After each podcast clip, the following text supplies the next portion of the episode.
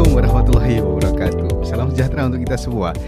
Hai teman-teman sekalian, ketemu lagi dengan saya dalam sesi podcast bersama Teddy Sitepu. Ya, teman-teman sekalian, podcast bersama Teddy Sitepu. Kita akan bahas banyak hal. Kita bahas uh, tentang suatu materi, tentang suatu topik yang menarik, tips, triks, kebijaksanaan, atau apa pun yang berguna ya untuk kita dan ya mudah-mudahan dalam pembahasan ini teman-teman bisa mendapat inspirasi, bisa mendapatkan sesuatu yang mungkin bisa diterapkan dalam kehidupan teman-teman sekalian.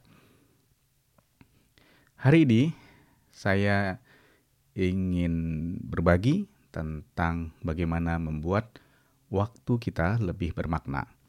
Teman-teman, satu hal yang saya sadari di usia yang sudah tidak muda ini, sudah 45 tahun perjalanan hidup saya, dan saya sangat menyadari bahwa saat ini waktu adalah hal yang paling berharga untuk saya.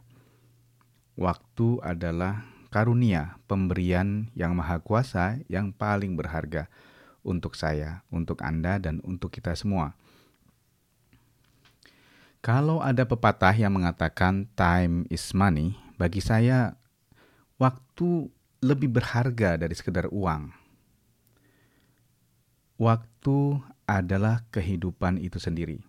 Karena dengan waktu yang diberikan kepada kita, kita punya kesempatan untuk hidup di bumi ini, punya kesempatan berbuat sesuatu, merasakan nikmat dan karunia yang Tuhan berikan pada kita, dan tentu juga kita dalam waktu itu bisa memberikan sesuatu yang berharga pada lingkungan kita, pada keluarga kita, pada orang-orang yang kita cintai. Dan teman-teman sekalian, kalau teman-teman sudah mulai mungkin memasuki usia 40, maka eh, ada satu hal yang sering akan terngiang atau akan sering terbayang-bayang bagi kita, yaitu bahwa terminal akhir kita adalah kematian ya adalah kembali kepadanya, kembali kepada Sang Pencipta. Maka tentu kita harus yakin bahwa ujung perjalanan kita nanti, ujung dari waktu yang diberikan kepada kita adalah uh, suatu saat yang kita dipanggil kembali ke haribaan Allah Subhanahu wa taala, Tuhan Sang Pencipta kehidupan itu sendiri. Dan karenanya saya berpikir ya, menyadari bahwa kita harus memberikan makna pada setiap detik yang diberikan itu, pada setiap waktu.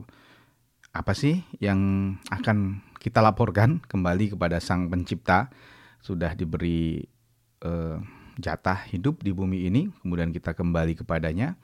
Terus uh, bayangan saya ya, kalau kita seperti di kehidupan bumi ini harus setelah kembali tugas itu kita melaporkan apa sih yang dikerjakan ya.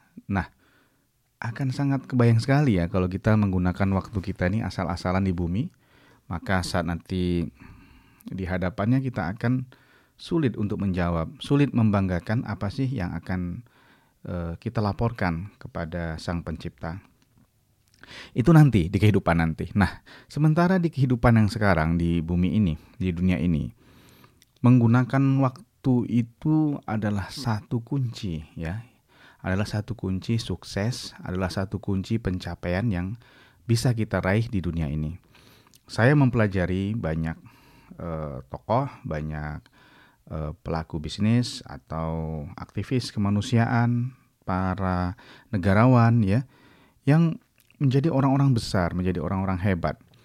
Padahal dia lahir dari orang yang dari keluarga yang biasa-biasa saja ya, dari lingkungan yang justru kadang-kadang lebih parah, lebih berat daripada yang kita kita sekarang, kita berada di dunia kita sekarang. Tapi mereka bisa menjadi orang hebat. Nah, padahal tentu saja sebagai manusia kita punya waktu yang sama ya 24 jam sehari. Nah, ternyata dari berbagai banyak faktor maka cara kita menggunakan waktu, cara kita mengisi waktu-waktu yang dilalui itu menentukan menentukan menjadi apa kita. Lihat para tokoh-tokoh, para pemimpin besar dunia menghabiskan waktunya untuk belajar, membaca, uh, berlatih memimpin, ya, melakukan perjuangan, maka dia menjadi orang hebat di kemudian hari. Ya, tidak ada yang tiba-tiba menjadi orang hebat, menjadi orang besar tanpa melalui waktu-waktunya dengan sesuatu yang uh, membangun dirinya, ya, yang membangun dirinya itu. Maka belajar dari itu ya dan apa yang sudah saya alami selama 45 tahun ini setiap hal yang kita tanam di waktu kita hari ini akan kita petik di kemudian hari. Ya. Dan apa yang kita petik hari ini adalah apa yang kita tanam beberapa tahun atau beberapa puluh tahun yang lalu. Ya, cara kita belajar di sekolah SD, cara kita belajar di SMA, cara kita di kuliah, cara kita berlatih bekerja, cara kita berlatih berbicara, itulah yang membentuk diri kita sekarang. Ya, kalau kita sekarang pinter berorasi, kita pinter berbicara di depan publik, punya pemikiran cemerlang, pasti tidak terjadi dalam satu malam. Ya, tadi malam belajar, tadi malam berubah, terus tiba-tiba terjadi. Pasti tidak begitu. Tapi apa yang kita lakukan sejak dari muda, mungkin dari zaman SD, SMP, kuliah, ya sampai sekarang, maka itulah yang membentuk kita. Ya. Kalau kita sekarang kurang atau tidak bisa berbicara di depan publik, tidak bisa memanage, tidak bisa memimpin, ya itu mungkin adalah suatu hasil yang dulu kita tanam tidak terlalu maksimal ya, tidak tidak dengan usaha yang lebih keras ya, tidak dengan kualitas yang lebih baik. Karena itu hasil yang kita petik pun tidak maksimal hari ini. Nah, kalau begitu bagaimana kita harus kemudian memanfaatkan waktu yang tersisa ini? Ke depannya ya sampai kita harus kembali kepada Yang Maha Kuasa, apa yang bisa kita lakukan? Ya, tentu banyak sekali ya, banyak. Uh, entah teman-teman yang masih muda sekarang masih punya banyak waktu ya dalam ukuran manusia misalnya sekarang masih 20 tahun uh, atau masih remaja mendengarkan podcast ini, Anda masih punya banyak waktu untuk berbuat, banyak waktu untuk menanam, banyak waktu untuk uh, melatih diri, membina diri supaya nanti di usia-usia yang sudah dewasa Anda memetik hasilnya. Sementara bagi teman-teman yang sekarang mungkin sudah usia 30-an, 40-an, tenang teman-teman sekalian, masih Anda pun masih punya waktu untuk memperbaiki diri, untuk uh, merevisi apa-apa yang sudah dilakukan terdahulu ya dengan perbuatan kita sekarang kita bisa memperbaiki diri kita dan kemudian mencapai hal-hal yang belum kita capai sekarang. Hal-hal yang belum kita dapat sekarang bisa kita capai dengan melakukan perubahan cara kita mengisi waktu hari ini. Ya, teman-teman sekalian, kita tadi sudah bahas bahwa sukses kita di dunia ini sangat ditentukan oleh cara kita menggunakan waktu. Dan nilai waktu yang diberikan Tuhan kepada kita sama-sama satu jam ya atau sama-sama satu menit tapi value, nilai yang ada di dalam satu jam itu bisa berbeda dari satu orang ke orang lain. Ya, waktu satu jam kita gunakan untuk hura-hura, ya bersenda gurau tanpa tujuan, tentu sangat berbeda nilainya dengan waktu satu jam yang kita gunakan khusus untuk ibadah. Waktu yang kita gunakan satu jam belajar, membaca, memahami hal-hal yang penting untuk kita, untuk profesi kita atau untuk pelajaran kita, tentu beda nilainya dengan waktu satu jam yang kita gunakan untuk melamun. Nah, waktu satu jam atau setengah jam yang kita gunakan untuk bekerja, tentu beda nilainya dengan waktu satu jam ketika kita berbakti atau mengurus orang tua kita. Waktu satu jam mengurusi hobi kita untuk kesenangan kita, tentu berbeda nilainya dengan waktu satu jam untuk mengurusi kepentingan umum, ya kemaslahatan umum, ya eh, kesejahteraan masyarakat atau kesejahteraan umat, ya dan contoh-contoh lainnya. Setiap kegiatan kita tuh punya nilai, punya makna yang berbeda, ya walaupun waktu yang kita gunakan ya sama. Ya. Saya ulangi, walaupun kita menghabiskan waktu yang sama, sama-sama satu jam, sama-sama satu menit, bahkan sama-sama satu detik, bisa bernilai berbeda di mata manusia, ya, untuk kita sendiri maupun di mata Sang Pencipta. Nah, karena itu, ayo kita gunakan sekarang, ya, bagaimana cara kita untuk membuat waktu kita lebih bermakna. Ada beberapa trik, ya, Mungkin saya sharing dalam hal yang lebih teknis bagaimana cara kita memanfaatkan waktu supaya waktu yang kita punya sekarang lebih efektif ya. Kita bisa mengerjakan uh, banyak hal lebih banyak ya, lebih bermakna dengan waktu yang sama.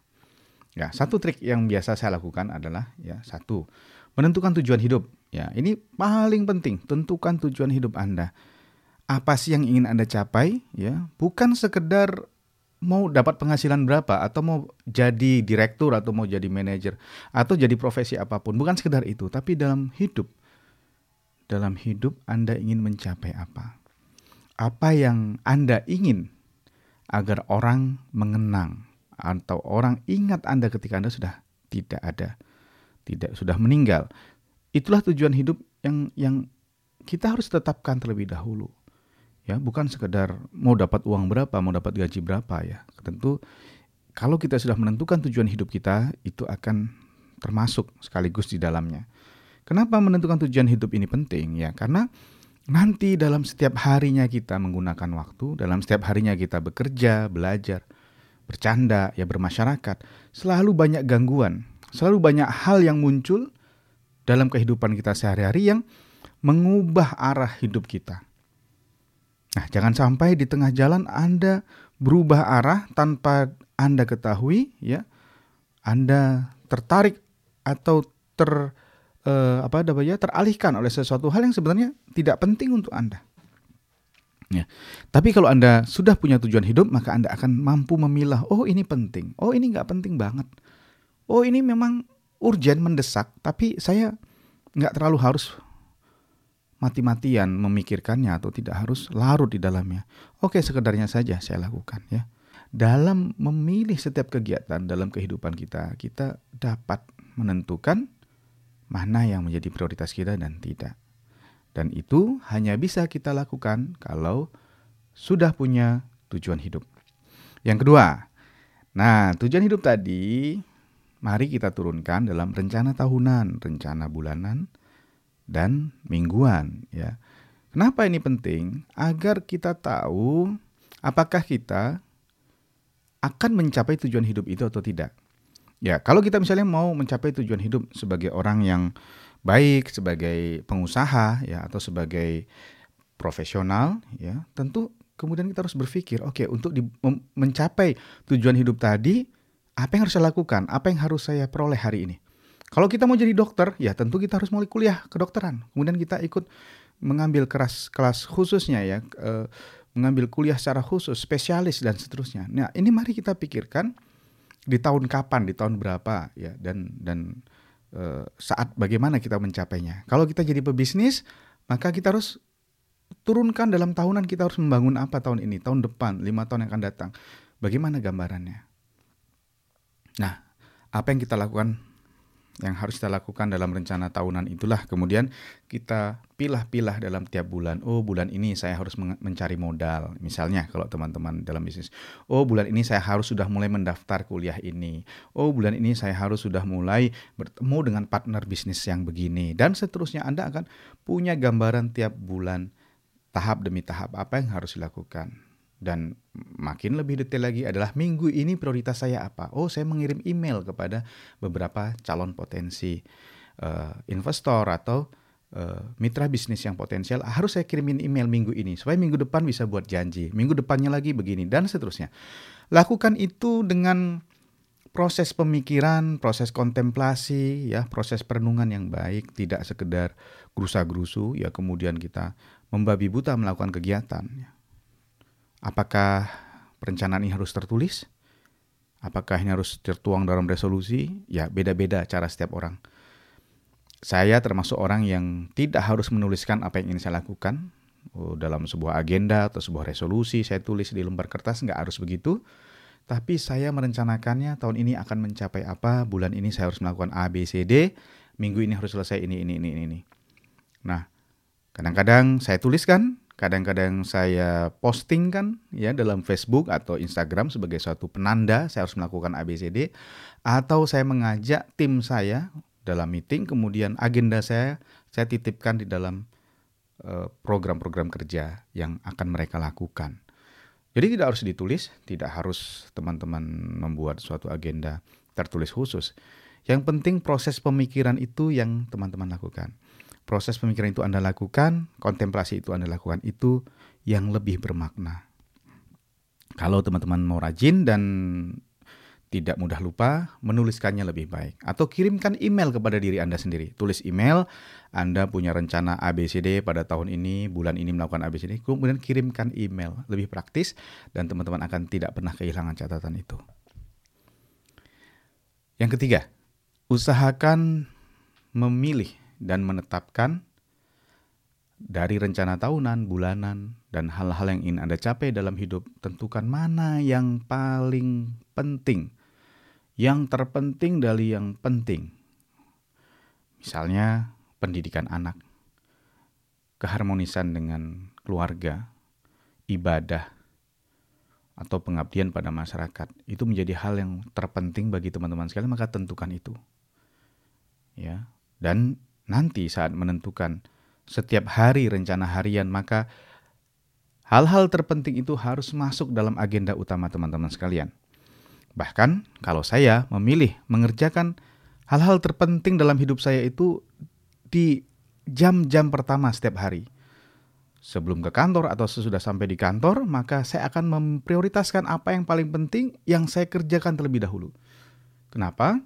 Karena saya tidak ingin hal yang terpenting itu kemudian terganggu oleh tamu yang tiba-tiba datang, oleh email yang tiba-tiba datang, oleh banyak masalah yang tiba-tiba datang yang uh, sifatnya semuanya urgen ya. Padahal kadang-kadang yang urgen tidak selalu penting, tidak selalu berdampak besar pada hidup kita di masa depan, tapi harus kita tangani. Karena itu prioritaskan mana yang paling penting dalam hidup Anda, itulah yang dikerjakan terlebih dahulu. Supaya nanti ketika menjelang lebih siang ya atau lebih sore, ya ada gangguan-gangguan tidak tidak merusak ya, sudah tidak mengganggu proses pencapaian hal terpenting dalam hidup Anda.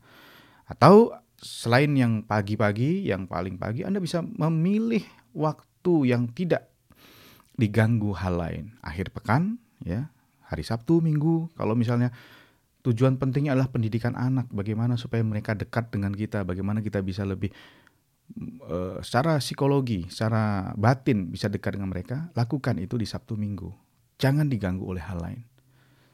Nah, kemudian yang keempat, usahakan cari hal-hal ya, cari agenda-agenda, kegiatan-kegiatan yang bisa dilakukan secara two in one atau three in one atau bahkan four in one. Maksudnya apa?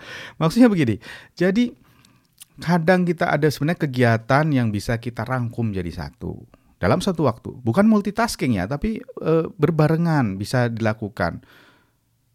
Contoh, ya Sabtu kita ingin olahraga. Nah, tentu tidak salah sambil kita bisa mengajak anak dan istri ya bagi yang sudah berkeluarga atau sahabat bagi yang punya sahabat bersama-sama olahraga ya kita mencapai tujuan kita untuk tetap hidup sehat dan kita juga mencapai tujuan untuk lebih dekat dengan orang-orang yang kita cintai. Kemudian di dekat olahraga kita bisa mencari lapangan yang dekat dengan Eh, kerabat yang ingin kita silaturahim atau ingin kita kunjungi. Atau setelah olahraga kita bisa mencari sarapan, kemudian bisa meeting dengan uh, mitra bisnis kita secara santai. Nah itulah kegiatan-kegiatan yang bisa two in one atau three in one. Bisa juga di rumah, kita bisa melakukan kegiatan three in one. Misalnya ada buku yang ingin kita pelajari. Nah sambil kita buka buku, kita menunggu cucian di mesin cuci berjalan secara otomatis. Kita baca buku di sebelahnya, kemudian Begitu cucian selesai, buku bisa terbaca beberapa halaman. Atau kita melakukan jalan-jalan ya, berkunjung ke rumah saudara ya. Kemudian ya kita bisa sambil uh, berjanji atau sambil bertemu dengan beberapa orang ya. Saat berkunjung dengan keluarga kita pun bisa bertemu dengan orang-orang lain. Nah, masih banyak sekali ya kegiatan uh, saya sendiri sering seneng kalau uh, misalnya olahraga, uh, saya menaiki sepeda statis, kemudian saya dengarkan podcast ya, podcast saya dengarkan taruh di headset, kemudian saya berlatih 30 menit ya, keringat dapat, ilmu dapat. Atau kadang-kadang saya uh, minta uh, anak saya untuk mengulang pelajarannya, membacanya dengan keras, berlatih membaca di depan saya, saya sambil olahraga. Nah, itu kegiatan-kegiatan yang berjalan bersamaan, two in one, three in one, menghemat waktu kita dan banyak yang bisa kita lakukan. Ya. Nah, yang kelima, ya, trik yang kelima, usahakan, usahakan ya, usahakan. Karena ini mudah lupa ini, yang kelima ini. Ya. 10 menit setelah bangun tidur, setelah ibadah, setelah sholat, gunakan 10 menit berkontemplasi untuk merancang hari ini. Anda mau ketemu siapa? Anda mau menulis apa? Anda mau membuat karya apa? Anda mau eh, melakukan apa saja di hari itu rancang. Ya, kadang-kadang saya juga melakukannya dengan two in one ya. E, di toilet ya, sedang kita melakukan e, ini ya di toilet, kemudian di situ juga saya berpikir 10 menit untuk satu hari itu ya nggak harus dicontoh ya. ya. Anda bisa punya waktu sendiri, mungkin sambil sarapan atau mungkin sambil menyiram tanaman atau sambil uh, jalan pagi. Anda bisa sambil berpikir 10 menit hari ini harus menjadi apa. Bayangkan hari ini, bayangkan hari ini Anda akan bagaimana ya. Visualisasikan Anda pergi ke mana, pakai baju apa, menulis apa, pidato apa, Ya kalau mengajukan proposal ketemu sama siapa dan seterusnya 10 menit 10 menit itu bayangkan hari Anda dengan sebebasnya dan dan sebaik mungkin hari itu terjadi. Oke, itu 10 menit pertama. 10 menit yang kedua adalah nanti mau tidur sebelum tidur. Nah, ini juga mungkin sering lupa termasuk saya. Ini akan sering lupa nih kita. 10 menit sebelum tidur duduk mungkin sambil minum air putih ya sebelum tidur sambil istirahat. Ya sebelum kita benar-benar tidur pikirkan ingat kembali hari ini apa yang sudah dilakukan baik apa buruk yang sudah dilakukan apa yang bisa diperbaiki ya bagaimana anda memperbaikinya.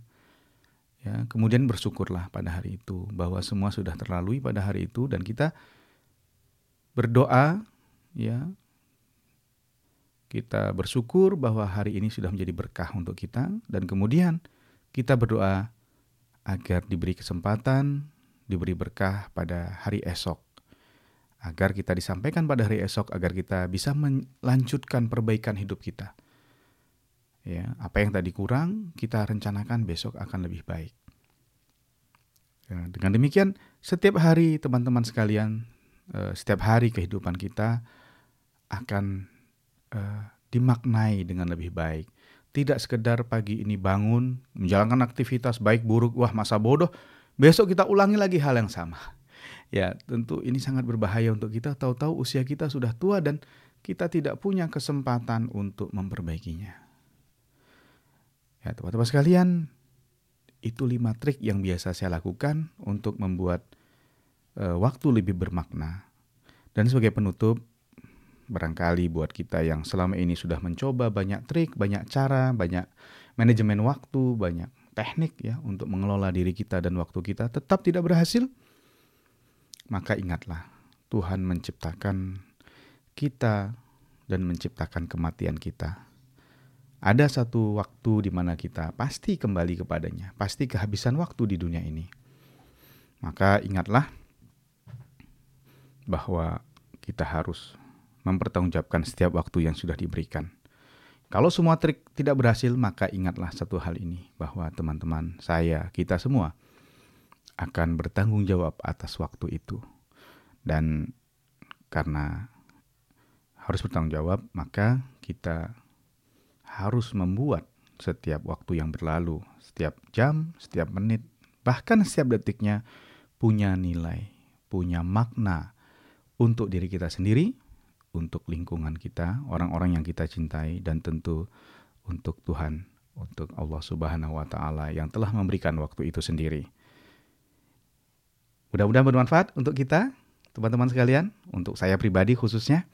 Dan kalau ada uh, saran, spi, uh, kalau teman-teman punya saran atau ide lain tentang trik menggunakan waktu ini, please tulis di kolom komen di bawah ini. Ya, kalau ada saran, masukan terkait dengan podcast, silahkan juga mengirimkan email atau memberi komen di bawah ini. Terima kasih atas perhatiannya. Semoga bermanfaat. Assalamualaikum warahmatullahi wabarakatuh.